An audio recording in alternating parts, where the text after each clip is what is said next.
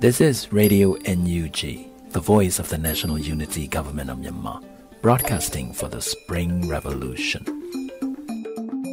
Radio NUG is transmitting from shortwave 16 meter 17.710 MHz daily at 8 a.m. and 25 meter 12 MHz at 8 p.m.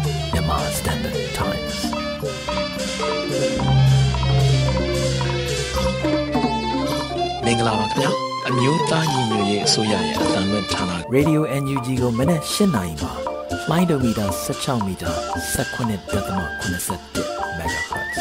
ညဘက်မှာလိုင်းဒိုမီတာ25မီတာ17 MHz တို့မှာတိုက်ရိုက်ဖမ်းယူနားဆင်နိုင်ပါပြီမင်္ဂလာအပေါင်းနဲ့ပြည့်စုံကြပါစေခုချိန်ကစပြီး Radio NUG အစီအစဉ်လေးကို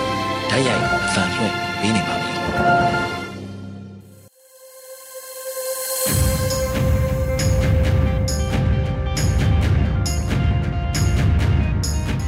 မြန်မာနိုင်ငံသူနိုင်ငံသားပေါင်းတဘာဝပြီးစစ်အာဏာရှင်ဘေးတို့ကနေကင်းဝေးပြီးကိုယ်စိတ်နှပါကြားမှလုံးချုံကြပါစေလို့ Radio UNG အဖွဲ့သားများကဆုတောင်းမေတ္တာပို့သလိုက်ရပါတယ်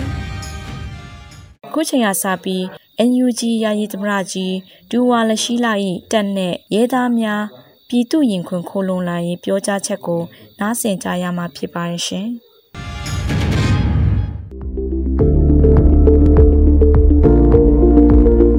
နိုင်ငံတော်ကိုချစ်တဲ့စိတ်တိုင်းပြည်ကိုကာကွယ်လူတဲ့စိတ်နဲ့ပြည်သူတမတော်တို့ဝင်ရောက်လာခဲ့ကြတဲ့နိုင်ငံသားကောင်းပြည်သူတမတော်သားများနှင့်မြန်မာနိုင်ငံရေးတပ်ဖွဲ့ဝင်များကို အမျိုးသားညီညွတ်ရေးအစိုးရကူစားကျွန်တော်ယာယီဓမ္မတသူအနေနဲ့ပြည်သူရင်ခွေခိုးလုံရဲ့အစီအစဉ်ကနေမိန်ကွန်းပြောကြားခွင့်ရတဲ့အတွက်အင်မတန်မှဝမ်းသာဂုဏ်ယူမိပါတယ် တမ်တော်ဆိုတာပြည်သူလူထုကိုကာကွယ်ဖို့နိုင်ငံကိုပြပရန်ဆွဲအသီးသီးကနေကာကွယ်ဖို့အဓိကတာဝန်ယူရတဲ့အဖွဲ့အစည်းဖြစ်ပါတယ်ပြည်သူလူထုကြွေးတဲ့ပြည်သူအခွန်ကတ္တာကိုစားနေတဲ့ဝန်ထမ်းတယောက်အနေနဲ့ပြည်သူလူထုကရွေးကောက်တင်မြှောက်တဲ့အစိုးရကိုတစ္ဆာခံပြီးတိုင်းပြည်တာဝန်ကိုပြည်သူအလူကြဦးလေမတုံထမ်းဆောင်ရမှာဖြစ်ပါတယ်ဒါပေမဲ့ မင်းအွန်လိုင်းဥဆောင်တဲ့အချမ်းဖက်ခေါင်းဆောင်များဟာ2021ခုနှစ်ဖေဖော်ဝါရီလတရက်နေ့မှာပြည်သူလူထုကနေဒီမိုကရေစီနည်းကျရွေးချယ်တင်မြှောက်ထားတဲ့အစိုးရကို ဖြုတ်ချပြီးအာဏာကို မတရားသိမ်းယူခဲ့ပါတယ်။အဲ့ဒီလိုအာဏာသိမ်းတာကိုမလူလားကြောင်းနိုင်ငံတော်ဝန်မှရှိတဲ့ပြည်သူတရက်လုံးကလမ်းပေါ်ထွက်ကန့်ကွက်ခဲ့ကြပြီးဖြစ်ပါတယ်။ သို့တော်လည်းမင်းအွန်လိုင်းနဲ့စိတ်ဥစုဟာပြည်သူလူထုရဲ့သဘောထားကို လုံးဝကြွမမှုပဲအပြစ်မဲ့တဲ့ပြည်သူပေါင်းတထောင်ကျော်ကိုရဲရဲဆက်ဆက်တပ်ဖြတ်ခဲ့ပြီးအပြစ်မဲ့ပြည်သူပေါင်း8000ကျော်ကိုလည်းမတရားဖမ်းဆီးညှဉ်းပန်းနှိပ်စက်နေစေဖြစ်ပါတယ်။ဒါကြောင့်ပြည်သူလူထုကတီးမခံနိုင်တော့တဲ့အဆုံးရရ လက်နဲ့ဆွဲကြိုက်ပြီးမတ်လဆန်းကနေစတင်ပြီးတော့မိမိတို့ကိုယ်ကိုမိမိခုခံကာကွယ်မှုပြုလုပ်လာကြပါတယ်အခုဆိုရင်စစ်ကောင်းဆောင်တွေဟာပြစ်မဲ့ပြည်သူလူထုတွေရဲ့ရက်ရွာကိုဝင်ရောက်ပြီးအိမ်တွေကိုမီးရှို့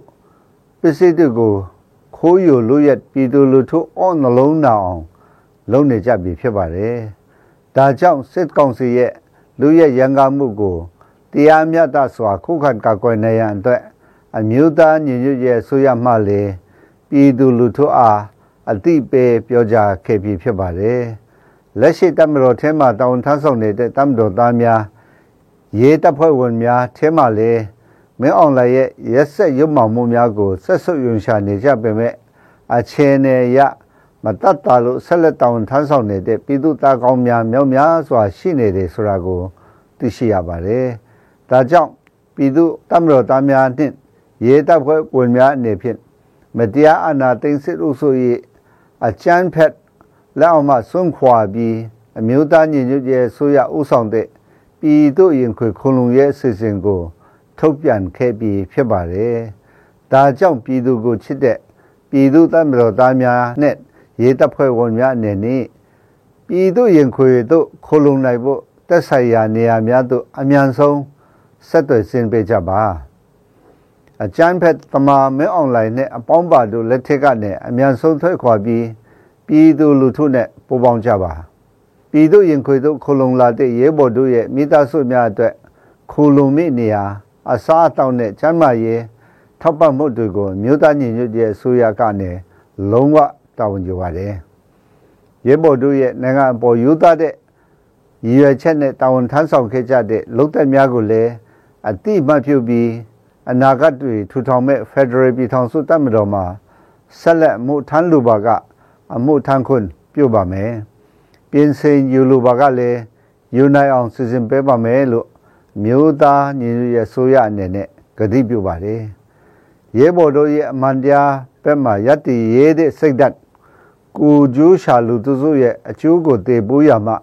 တိုင်းပြည်အကျိုးတည်ပိုးဖို့ဆုံးဖြတ်ချက်ကြီးကို ချီကျူးကုန်ပြုအပ်ပါတယ်စစ်ဘလို့တွေမကြမီကြဆုံးပြီးတော်လန်ရဲ့အောင်မြင်တော့မှာမို့ပြည်သူကိုချစ်တဲ့ပြည်သူတမ်းတော်သားများနဲ့ရဲတပ်ဖွဲ့ဝင်များကိုပြည်သူရင်ခွေကနေငိမ့်ချမ်းနှွေးထွေးစွာကျူဆူပါကြောင်းပြောကြလိုပါတယ်အရေးတော်ပုံအောင်ရမည်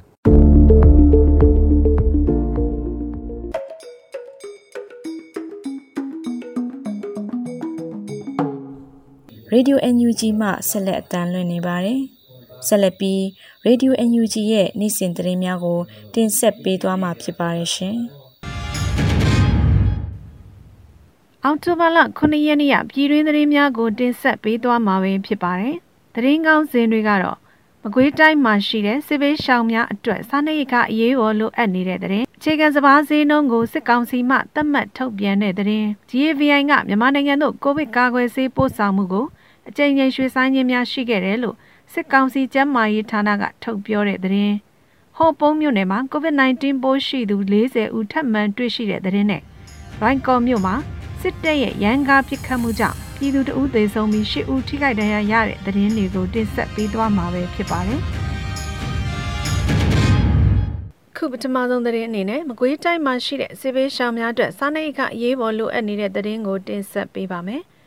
မကွေးတိုင်းကြောက်ထုမြို့နယ်မှာရှိတဲ့စစ်ဘေးရှောင်တွေအတွက်စားနပ်ရိက္ခတစ်ပတ်စာသာကြန့်ရှိတော့တဲ့အတွက်စားနပ်ရိက္ခအရေးပေါ်လိုအပ်နေကြောင်းကြောက်ထုဒေသစစ်ဘေးရှောင်ကူညီနေသူတဦးစီကသိရပါဗျ။ချင်းပြည်နယ်မင်းတပ်မြို့မှာတိုက်ပွဲတွေဖြစ်ပွားခဲ့တာကြောင့်ကြောက်ထုမြို့ကိုအိုးအိမ်ဆွန့်ခွာထွက်ပြေးလာရတဲ့ပြည်သူတွေ2000ကျော်ရှိနေပြီးစစ်ရှောင်းတွေဆက်လက်တိုးလာနေတဲ့အတွက်စားနပ်ရိက္ခာတွေအခက်အခဲဖြစ်နေကြောင်းသိရပါဗျ။ကမ်နဲမှာတင်1000ကျော်ရှိတယ်။ကမ်နဲမှာမဆက်လို့အပြင်မှာထားထားရတာ1000ကျော်ရှိတယ်။ စားဖို့အတွက်ဆန်ကတော့တစ်ပတ်စားလောက်ပဲကျန်တော့တယ်။အလူရှင်တွေထပ်မရတော့ရင်တော့ရိတ်ခါပြက်လက်မဲ့အနေအထားရှိလာနိုင်တယ်။စစ်ရှောင်းတွေကလည်းနေ့စဉ်တိုးလာနေတာပဲ။တက်နိုင်သလောက်တော့ရသလောက်ရိတ်ခါတွေလိုက်စုနေပါတယ်လို့စစ်ဘေးရှောင်ကူညီနေသူကပြောပါတယ်စစ်ကောင်စီတပ်တွေဟာစစ်ဘေးရှောင်ကိုလာရောက်ကူညီနေသူတွေကိုစစ်ဆေးမှုတွေရှိတယ်လို့အခြေခံစားတောက်ကုန်သက်ဆောင်ရလမ်းကိုလည်းတားဆီးပိတ်ဆို့မှုတွေပြုလုပ်နေတယ်လို့လည်းသိရပါတယ် အလူရှင်တွေကရှိတဲ့လာကူရင်လမ်းမှာသူတို့ပိတ်ပြီးစစ်ဆေးဖမ်းဆီးတာတွေလုပ်တော့တိတ်မလာရဲကြဘူးစားတောက်စရာတွေတည်ရင်လဲလမ်းမှာတားဆီးတာမျိုးလုပ်တယ်တခြားနေရာကနေအခြေခံစားတောက်ကုန်တွေပေးမတည်ဘူးခွင့်ပြုချက်ရမှတည်ရမယ်ဆိုတော့အခက်ခဲဖြစ်တာပေါ့လို့သူကပြောပါတယ်။ခုဆိုရင်တိုက်ပွဲတွေကြောင့်ချင်းပြည်နယ်ကနေမကွေးတိုင်းဒေသကြီးပေါက်နဲ့စောမြို့နယ်တွေကိုထွက်ပြေးတိမ်းရှောင်လာကြသူများဟာ6000ကျော်နီးပါးရှိနေပြီး၎င်းကံကောပေါက်နဲ့စောမြို့နယ်အတွင်းမှာ စက်တဘာလ10ရက်နဲ့12ရက်နေ့ကဖြစ်ပွားခဲ့တဲ့တိုက်ပွဲတွေကြောင့်လည်းထွက်ပြေးတိမ်းရှောင်နေရတဲ့လူပေါင်း625ခုခန့်ရှိတယ်လို့ကုလသမဂ္ဂလူသားချင်းစာနာမှုဆိုင်ရာပေါင်းဆက်ညှိနှိုင်းရေးယုံ UNOCHA ကထုတ်ပြန်ထားပါတယ်။ဆက်လက်ပြီးတင်ဆက်ပေးမယ့်သတင်းကတော့အခြေခံစပါးဈေးနှုန်းကိုစစ်ကောင်စီမှသတ်မှတ်ထုတ်ပြန်နေဆိုတဲ့သတင်းပဲဖြစ်ပါတယ်။2021ခုနှစ်မိုးစပါးနဲ့2022ခုနှစ်နွေစပါးတို့အတွက် အခြေခံရင်းညွှန်းစပါးဈေးနှုန်းတွေကိုစစ်ကောင်စီကအော်တိုဘာလ9ရက်နေ့ကသတ်မှတ်ထုတ်ပြန်လိုက်ပါတယ်။အဆိုတဲ့14ရာခိုင်နှုန်းနဲ့အပြင်းအမော်ဖုံသေးခဲစတာတွေကင်းစင်ပြီးရေအသွေးဆိုင်ရာသတ်မှတ်စံချိန်စံညွှန်းတွေနဲ့ကိုက်ညီတဲ့စပါးတင်းတရားကိုစပါးဈေးနှုန်း9သိန်း4000ကျပ်နဲ့သတ်မှတ်လိုက်တယ်လို့ထုတ်ပြန်ချက်မှာဖော်ပြထားပါတယ်။ဈေးကွက်ပေါင်ဈေးမှာအခြေခံရည်ညွှန်းစပါးဈေးနှုန်း9သိန်း4000ကျပ်ထက်များနေရင်ဈေးကွက်ပေါင်ဈေးအတိုင်းဝယ်ယူရန်ဖြစ်ပြီး တကယ်လို့ဈေးကွက်ပေါင်ဈေးမှာဒီအခြေခံရည်ညွှန်းစပါးဈေးနှုန်းထက်လျော်နေနေရင်ဒီအခြေခံဈေးနှုန်းအတိုင်းဝယ်ယူရမယ်လို့ထုတ်ပြန်ထားပါတယ်။အခြေခံရည်ညွှန်းစပါးဈေးနှုန်းကို2018ခုနှစ်မတ်လမှာစတင်ထုတ်ပြန်ခဲ့ပြီးတည်င်းကို46ပေါင်ရှိတဲ့စပါးတင်း100ကိုကျပ်9သိန်း2019-2020ခုနှစ်မှာကျပ်9သိန်း2000ရှိခဲ့ပြီးယခုနှစ်မှာ2000ထပ်မံတိုးလာပြီး9သိန်း4000ကျပ်ထိသတ်မှတ်ခဲ့တာဖြစ်ပါတယ်။အရင်နှစ်ကထက်2000ထပ်မံတိုးပြီးဈေးနှုန်းသတ်မှတ်ပေးခဲ့ပေမဲ့ ရာရာဈေးနှုန်းကြီးမြင့်နေတဲ့ကာလဖြစ်တဲ့အတွက်စပားဆိုင်တောင်သူတွေအတွက်တော့အနိုင်ဆုံးစပားဈေး9သိန်း4000နဲ့သတ်မှတ်ပြီးစပားတွေဝယ်ယူပေးမယ်ဆိုရင်တော့အရှုံးပေါ်နေပြီလို့ AR တိုင်းမှာနေတဲ့တောင်သူတဦးကပြောပါတယ်။သူတို့သတ်မှတ်လိုက်တာကြမ်းကင်းဈေးပေါ့စပားဈေးတွေကြရင်သူတို့သတ်မှတ်ထားတဲ့ဈေးနှုန်းနဲ့ဝယ်ရမယ်ဆိုတဲ့သဘောပေါ့။အရင်နှစ်ကထက်2000ပိုပြီးသတ်မှတ်ပေးပေမဲ့အခုကကုန်ဈေးနှုန်းအကုန်တက်တာကုန်ကြဈေးကအရင်နှစ်ကထက်နှစ်ဆပိုကုန်တယ်9သိန်း4000ကျပ်နဲ့ဝယ်ပေးမယ်ဆိုရင်တော့ နောက်နှစ်မှာစပားဆိုင်မဲ့တောင်သူတွေတောင်ရှိတော့မှာမဟုတ်ဘူးထပ်ဆိုင်ဖို့ဇရိတ်ကိုပြန်မရနိုင်တော့တာလို့သူကပြောပါတယ်အခုဆိုရင်မိုးစမရိတ်သိမ်းရမယ့်အချိန်အခါရောက်လာတော့မှာဖြစ်ပြီး73စီမြင့်တက်နေတာကြောင့်အရင်နှစ်ကထက်စပားရိတ်သိမ်းစရိတ်နှစ်ဆပိုကုန်ကြနေတယ်လို့ရှမ်းပြည်တောင်ပိုင်းမှာရှိတဲ့တောင်သူတဦးကခုလိုပြောပါတယ်စပားဈေးကလည်းတိတ်မရှိဘူးအခုမိုးစပားရိတ်ရတော့မယ်စီဈေးတွေကတက်တော့အရင်ကစပားရိတ်ရင်ဆက်နဲ့တအေကကို4000ခွဲပဲရှိတယ်အခုနှစ်က 9000တောင်းတယ်ကုန်ကြစရိတ်ကနှစ်ဆပဲစပားဈေးကောင်းမလားမကောင်းမလားမသိသေးဘူးကုန်ကြစရိတ်ကတော့မြင့်တက်လာနေတာပဲနောက်နှစ်စပားဆိုင်ဖို့တောင်စဉ်းစားရတော့မယ်လို့သူကပြောပါတယ်လက်ရှိအချိန်တွင်နေဘက်တွေမှာစပားတရင်ကို6သိန်းနဲ့9သိန်းကြားဈေးပေါက်နေပြီးမိုးစပားထွက်ချိန်မှာပြပတင်ပို့နိုင်မှသာဈေးကောင်းရနိုင်မယ်လို့လည်းတောင်းသူကမျှော်မှန်းထားကြပါတယ်မြန်မာနိုင်ငံစံစပားတွေကိုပြပကိုအဓိကတင်ပို့နေတဲ့နိုင်ငံမှာတရုတ်နိုင်ငံလည်းတစ်ခုအပါအဝင်ဖြစ်ပါတယ် ခုချိန်တရုတ်နယ်စပ်ဂိတ်တွေကိုတရုတ်ဘက်မှလည်းပိတ်ထားသေးပဲဖြစ်ပါတယ်။ဆက်လက်ပြီးကြန့်ရှိနေတဲ့သတင်းတွေကိုຫນွေဦးမောင်ကတင်ဆက်ပေးသွားမှာဖြစ်ပါတယ်ရှင်။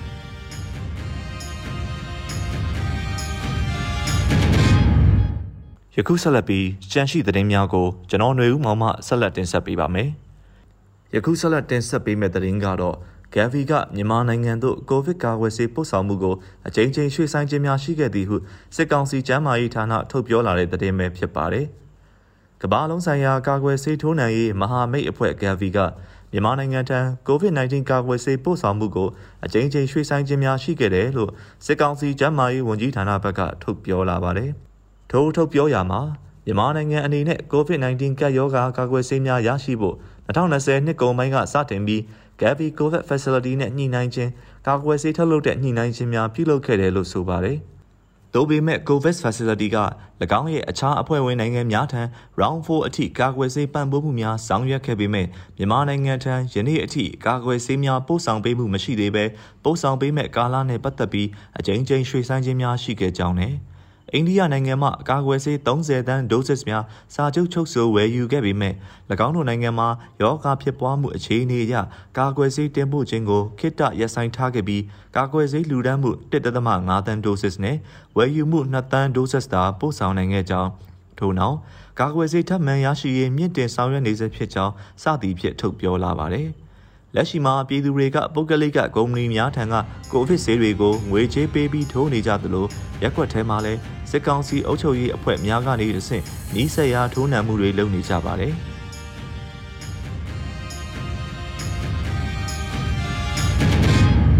ယခုဆက်လက်ပြီးဟိုပုံးမြို့နယ်၌ COVID-19 ပိုးရှိသူ40ဦးထပ်မံတွေ့ရှိတဲ့သတင်းကိုတင်ဆက်ပေးပါမယ်။ပအို့ကိုပိုင်အုပ်ချုပ်ခွင့်ရဒေသဟိုပုံးမြို့နယ်မှာ အောက်တိုဘာလ6ရက်နေ့တွင် COVID-19 ပိုးရှိသူ40ဦးထပ်မံတွေ့ရှိခဲ့ကြောင်းမြို့နယ်စေယုံရဲ့ထုတ်ပြန်ချက်အရသိရပါတယ်။24နာရီအတွင်း COVID-19 နဲ့သေဆုံးသူ2ဦးရှိခဲ့ကြောင်းလည်းသိရပါတယ်ခင်ဗျာ။ဟိုပုံးမြို့နယ်တွင်တတိယလိုင်းကာလအတွင်း COVID-19 ပိုးရှိသူစုစုပေါင်း983ဦးတွေ့ရှိခဲ့ပြီးယင်းအနက်ဈေးရုံစင်းခွင့်ရသူ808ဦးသေဆုံးသူ23ဦးရှိက152ဦးမှာကုသမှုခံယူဆဲဖြစ်ကြောင်းသိရပါတယ်။ အဆိုပါကုသမှုခံယူဆဲလူနာများကိုဟိုပုံးဆေးရုံသာသနာပိတ်မှန်ရှိ Positive Center မိုင်းပြင်းကျေးရွာရှိ Positive Center နဲ့ Home Care အဖြစ်နေအိမ်များတွင်ထားရှိကြောင်းသိရပါတယ်။အသက်16နှစ်အထက်ဦးစားပေးအုပ်စုတွင်ပါဝင်သူများကိုအောက်တိုဘာလ6ရက်မှ15ရက်အတွင်း COVID-19 ကာကွယ်ဆေးထိုးနှံပေးနေသဖြင့်နိုင်ငံသားစီးစိရေးကပ်များယူဆောင်ပြီး ဓာတ်ဆိုင်ရာဆေးထိုးစုရံများသို့လာရောက်ထုံးနှံကြရန်အိုပုံးမြို့နယ်စစ်ကောင်စီရဲ့ COVID-19 ကာကွယ်ထိန်းချုပ်ရေးနဲ့အရေးပေါ်တုံ့ပြန်ရေးကော်မတီကအသိပေးကြေညာထားပါတယ်။ယခုဆက်လက်ပြီးနောက်ဆုံးအနေနဲ့တင်ဆက်ပေးမယ့်သတင်းကတော့လွိုက်ကော်မြို့တွင်စစ်တပ်၏ရန်ကားပစ်ခတ်မှုကြောင့်ပြည်သူတို့ဦးသေဆုံးပြီး၈ဦးထိခိုက်ဒဏ်ရာရတဲ့သတင်းပဲဖြစ်ပါတယ်။ ကယားပြည်နယ်လွိုက်ကော်မြို့တွင်စက်တင်ဘာလ6ရက်နေ့ညကစစ်တပ်ရဲ့ရန်ကားပစ်ခတ်မှုကြောင့်ပြည်သူတို့သေဆုံးပြီး၈ဦးထိခိုက်ဒဏ်ရာရရှိခဲ့ပါတယ်။စစ်ကောင်စီတပ်မှလက်နက်ကြီးနဲ့ပစ်ခတ်တာကြောင့်ရင်းနီကန်နမ်ဘော်ဝန်ခရက်ကွက်နဲ့ဧက900ရှိပြည်သူပိုင်အိမ်တွေပျက်စီးခဲ့ပြီးအမျိုးသားတအူးသေဆုံးကရင်းနီကန်ဒေသရှိ25နှစ်အရွယ်အမျိုးသားနဲ့24နှစ်အရွယ်အမျိုးသမီးတအူးဧက900ရှိ35နှစ်အရွယ်အမျိုးသားတအူး23နှစ်အရွယ်အမျိုးသမီးတအူး နမ်ဘော်1ခရက်ခွက်ရှိ32နှစ်အရွယ်အမျိုးသမီးတဦး9နှစ်အရွယ်ကလေးငယ်တဦး10နှစ်အရွယ်ကလေးနဲ့18နှစ်အရွယ်အမျိုးသားတဦးအားလုံးစုစုပေါင်း10ဦးဒဏ်ရာရရှိခဲ့တယ်လို့ဒေသတွင်းလူမှုကူညီရေးအဖွဲ့တွေကနေသိသိရပါတယ်ခင်ဗျာလွိုက်ကောလော်ပီတာလမ်းရှိ54တက်စိတ်တက်ထောက်ဖို့တက်တွေကိုကရင်ဒီပြည်သူ့ကာကွယ်ရေးတပ်ဖွဲ့ကဝင်ရောက်ပစ်ခတ်ရမှစစ်ကောင်စီတပ်မှလက်နက်ကြီးလက်နက်ငယ်တွေနဲ့ပြန်လည်ရန်တမ်းပစ်ခတ်ခဲ့ပြီးလွိုက်ကောမြို့နယ်အတွင်းရှိအများနေပြည်သူအိမ်တွေအပေါ်ကြားရောက်ပောက်ကွဲခဲ့ခြင်းဖြစ်ပါတယ်။ ယခုတင်ဆက်ပေးခဲ့တဲ့အောက်တိုဘာ9ရက်ရပြည်တွင်းသတင်းများကိုကျွန်တော်ຫນွေဦးမောင်နဲ့မတ်ຫນွေဦးမွန်တို့ကတင်ဆက်ပေးခဲ့တာဖြစ်ပါတယ်ခင်ဗျာ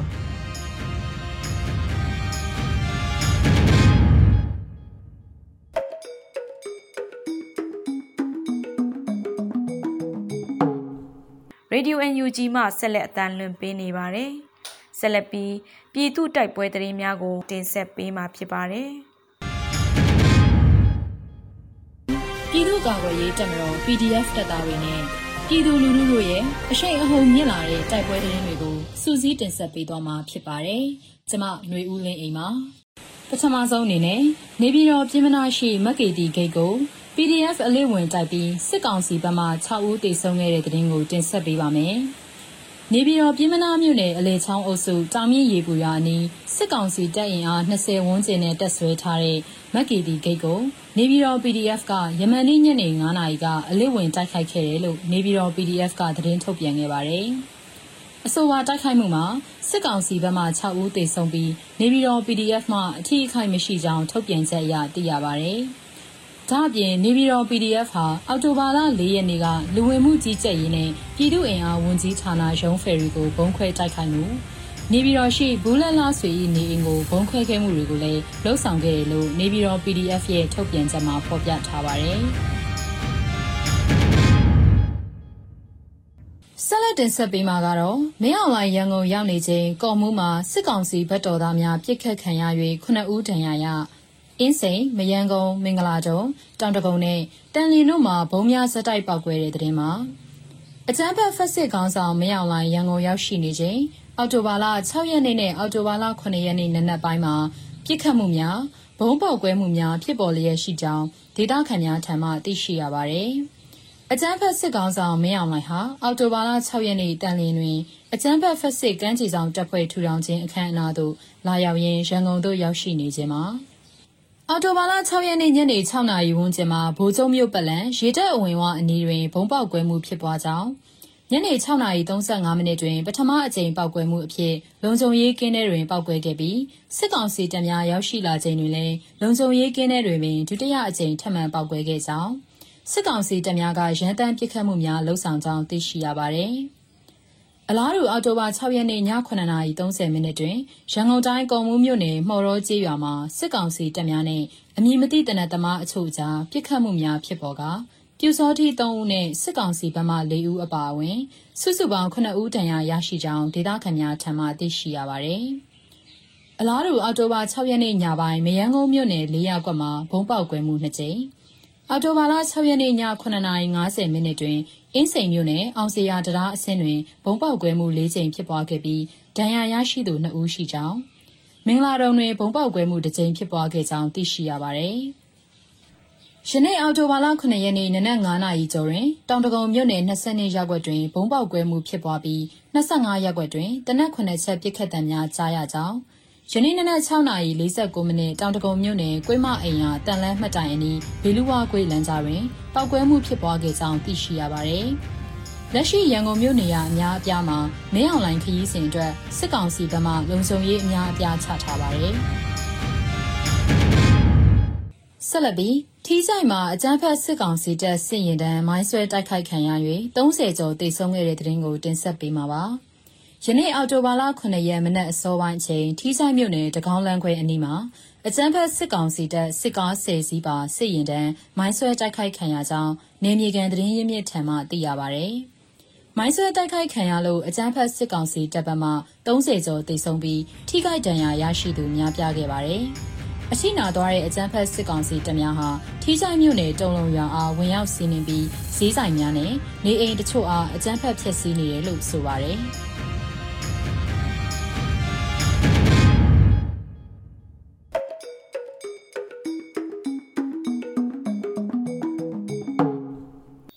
ဆက်လက်ပြီး BMC campaign by Win product ကိုတင်ဆက်ပေးသွားမှာဖြစ်ပါတယ်ရှင်။ Total Chevron corporations are responsible for all the war crimes in Myanmar. Total နဲ့ Chevron သည်မြန်မာနိုင်ငံတွင်းရှိစစ်ရာဇဝတ်မှုများအားလုံးအတွက်တာဝန်ရှိသည် Total Chevron Stop accessory to murder Total နဲ့ Chevron စစ်ရာဇဝတ်မှုနဲ့စစ်တပ်လူတက်မှုတွင်ပါဝင်နေတာချက်ချင်းရဲ့ Total Chevron Freeze all payments to MOGE Myanmar Oil and Gas Enterprise Total နဲ့ Chevron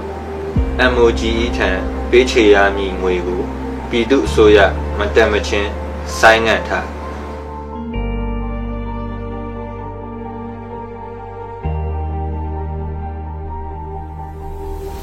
ငါတို့အားလုံးအာဏာရှင်စနစ်ကိုတတိရှိရှိတော်လှန်ကြ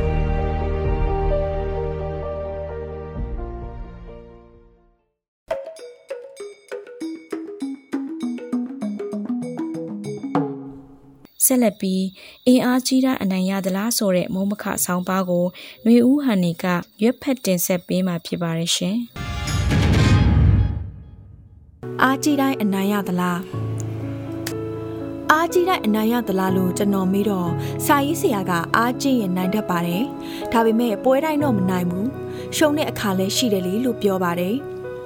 လူတဘာဝအရာအားနေတဲ့သူနဲ့အားကြီးသူပြန်ရင်အားနေသူကိုအနိုင်ရစေခြင်းနဲ့လို့ကျွန်တော်ထင်တယ်ဥပမာအားဖြင့်ကြွက်နဲ့ကြောင်ရှင်ရင်ကြွက်ကကြောင်တက်ဆိုင်ရင်တော့အားနေတယ်အမြဲတမ်းကြွက်ကကြောင်ရဲ့အစာဖြစ်နေပြန်တယ်ဒါကမငင်းနိုင်တဲ့အမှန်တရားပဲဒါကိုမခံရနိုင်တဲ့သူတွေကအားကြီးတဲ့ကြောင်ကိုဗီလိန်လုပ်လိုက်တယ်အကောင်ငယ်တလောက်ညံများတဲ့ကြွက်မီကီမောက်စ်ကိုဖန်ဆင်းပြီးကြောင်ကိုအနိုင်ယူခိုင်းတယ်ဒီကြွက်နဲ့ကြောင်ကတ်တွန်းက ကလေးရောလူကြီးပါကြိုက်ပြီးကဘာမှာဝက်ဝက်ကွဲအောင်မြင်ခဲ့တယ်နောက်ရုံနဲ့လိတ်အပြေးပြိုင်တဲ့ပုံပြင်ကိုကြည့်ပြ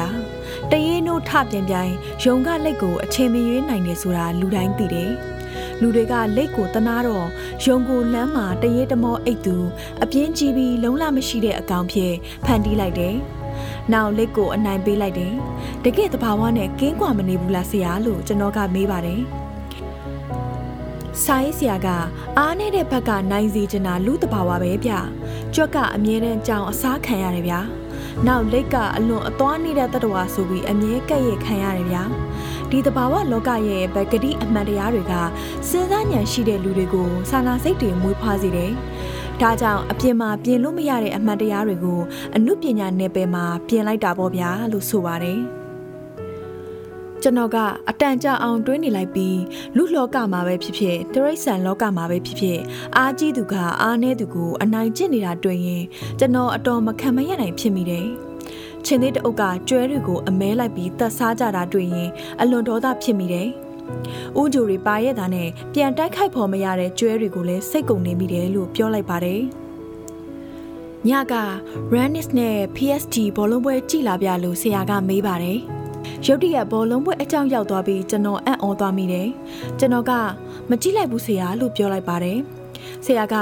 မောင်ရင် PSD ဘောလုံးအသင်းကိုကြားဘူးတယ်မလားလို့မေးတော့ကျွန်တော်ကဟာကြားဘူးပြီလားဆရာနာမည်ကြီးပြင်သစ်ကလပ်ဘောလုံးအသင်းပဲအခုဘာစီလိုနာကမက်ဆီရောက်လာတော့ပိုအားကောင်းသွားတယ် မက်ဆီနေမာအမ်ဘာဘေကမ္ဘာထိပ်သီးတိုက်စစ်မှုတွေနောက်နီးပြကလည်းပိုချက်တီနိုဆိုတော့ဘာပြောကောင်းမလဲဆရာမြင်းကိုတောင်မှန်တက်ပြလိုက်တယ်လို့ပေါ့ PSG က Man City လို့အသင်းတော်ထူးစီးနဲ့နိုင်ထားတာခုနဆရာပြောတာဘာအသင်း Rennis တဲ့ဒီအသင်းကောမောင်ရင်ကြားဘူးလားမကြားဘူးပေါ့ဗျာကျွန်တော်က Man U Liverpool Barca Real ဒီလိုအသင်းကြီးတွေလောက်တည်တာ အဲ့ဒီ Rennes ဆိုတဲ့အသင်းမသိဘူးဆရာအသင်းလေးနေမှာပါ PSG ကရေးရေးလေးလေးနှောမှာပေါ့ဂိုးပြတ်နိုင်နေမို့လားဆရာဆရာကဖြေးလေးစွာခေါင်းရလိုက်ပြီးတော့ Rennes က PSG ကိုတူးစီးနဲ့နိုင်သွားတယ်လို့ပြောလိုက်တယ်ကျွန်တော်ကဗဇက်အဟောင်းသားဖြစ်သွားတယ်အိမ်အပြန်လမ်းမှာကျွန်တော်ကတတိကြီးစဉ်းစားနေမိတယ် Rennes လိုအသင်းကိုရှုံးရပြီးမျက်နှာကြီးတွေမဲနေမဲ့ကဘာကျော်ဘောလုံးသမားများဖြစ်တဲ့ Maxi, Neymar, Mbappe နဲ့နီးပြ Pochettino တို့ကိုမြင်ရောက်နေမိတယ်။အားကြီးတိုင်းအနိုင်ရစဒန်းလားတခါတလေလောကကြီးကဘောလုံးပွဲနဲ့တူတယ်။အားကြီးတယ်ဆိုပြီးအထင်ကြီးလို့မရသလိုအားနဲ့တယ်ဆိုပြီးလည်းအထင်သေးလို့မရပါဘူး။အားကြီးသူမှလည်းချုံရွတ်တက်တည်ရှိပါတယ်။ နောက်တန်းမလုံတာအလဲတန်းနောက်ပြန်ကဲရပြီးဘောလုံးကိုရှေ့ရအောင်မပို့နိုင်တာ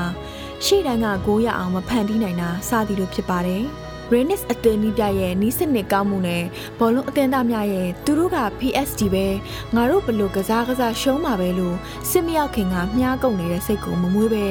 နိုင်ရမည်ဆိုနိုင်ရမယ်ဆိုတဲ့ဇွဲလုံးလာကိုကျွန်တော်ကအံ့ဩချီးမွမ်းနေမိပါတယ်။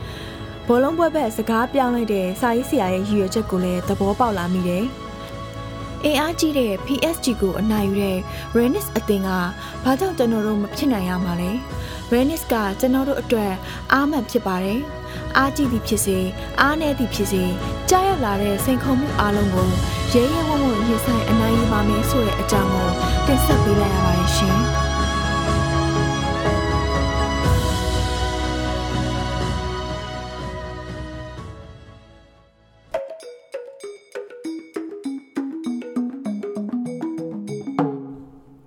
ယခုဆက်လက်ပြီးဟန်ထူးလွင်ခကြားပေါက်ဆွေးနွေးခဲ့တဲ့ဥပဒေနဲ့တရားမျှတမှုအကြောင်းကိုတင်ဆက်ပေးသွားမှာဖြစ်ပါတယ်ရှင်။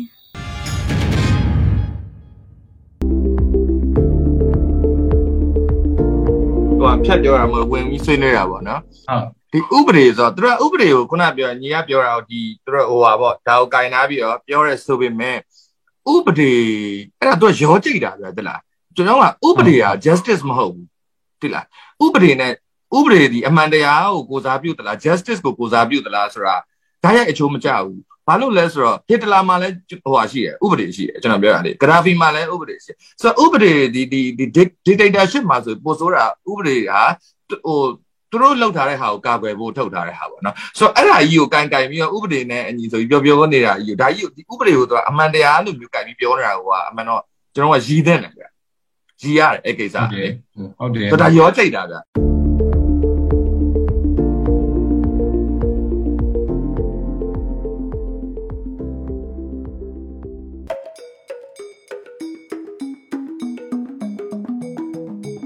အော်တိုဘာလ6ရက်9ရက်နဲ့10ရက်နေ့များမှာမွန်လွယ်2နာရီခွဲမှ3နာရီထိမွန်လွယ်ပိုင်းအစီအစဉ်ကိုလိုင်းတူ16မီတာ19.8 MHz မှာထက်မှန်တိုးချက်စမ်းသပ်ထုတ်လွှင့်ပေးသွားမှာဖြစ်ပါတယ်ရှင်။အော်တိုဘာလ6ရက်9ရက်နဲ့10ရက်နေ့များမှာပုံမှန်ထုတ်လွှင့်နေကြရေဒီယိုအန်ယူဂျီရဲ့ညနေပိုင်းအစီအစဉ်များကိုလိုင်းတူ25မီတာ12 MHz အပြင် လှိုင်းတူ19မီတာ15.565 MHz မှာလည်းတပြိုင်နက်တည်းစမ်းသပ်ထုတ်လွှင့်သွားမှာဖြစ်ပါတယ်ရှင်။ဒီကနေ့တော့ဒီညနေပဲ Radio NUG အစီအစဉ်လေးကိုကိတ္တရန်နာလိုက်ပါမယ်။မြမစံတော်ချိန်မနေ့၈နာရီညနေ၈နာရီတို့မှာပြန်လည်တွေ့ဆုံကြပါစို့။ Radio NUG ကိုမနေ့၈နာရီမှာလိုင်းဒိုမီတာ16မီတာ19.87 MHz ညဘက်မှာလိုင်းဒိုမီတာ 25မီတာ12 MHz တို့မှာတိုက်ရိုက်ဖမ်းယူနားဆင်နိုင်ပါပြီ။မြန်မာနိုင်ငံသူနိုင်ငံသားများကိုစိတ်နှပြချမ်းမာချမ်းသာလို့ဘေးကင်းလုံခြုံကြပါစေလို့ Radio NUG အဖွဲ့သူအဖွဲ့သားများဆုတောင်းပေးလိုက်ပါတယ်။အမျိုးသားညီညွတ်ရေးအစိုးရရဲ့ဆက်သွယ်ရေးသတင်းအချက်အလက်နဲ့ဤပညာဝန်ကြီးဌာနကထုတ်လွှင့်နေတဲ့ Radio NUG ဖြစ်ပါတယ်။ San Francisco Bay Area ခြေဆိုင်မြန်မာမိသားစုများနဲ့နိုင်ငံတကာကစေတနာရှင်များလှူအားပေးများရဲ့ Radio NUG ဖြစ်ပါတယ်။အရေးတော်ပုံအောင်ရမည်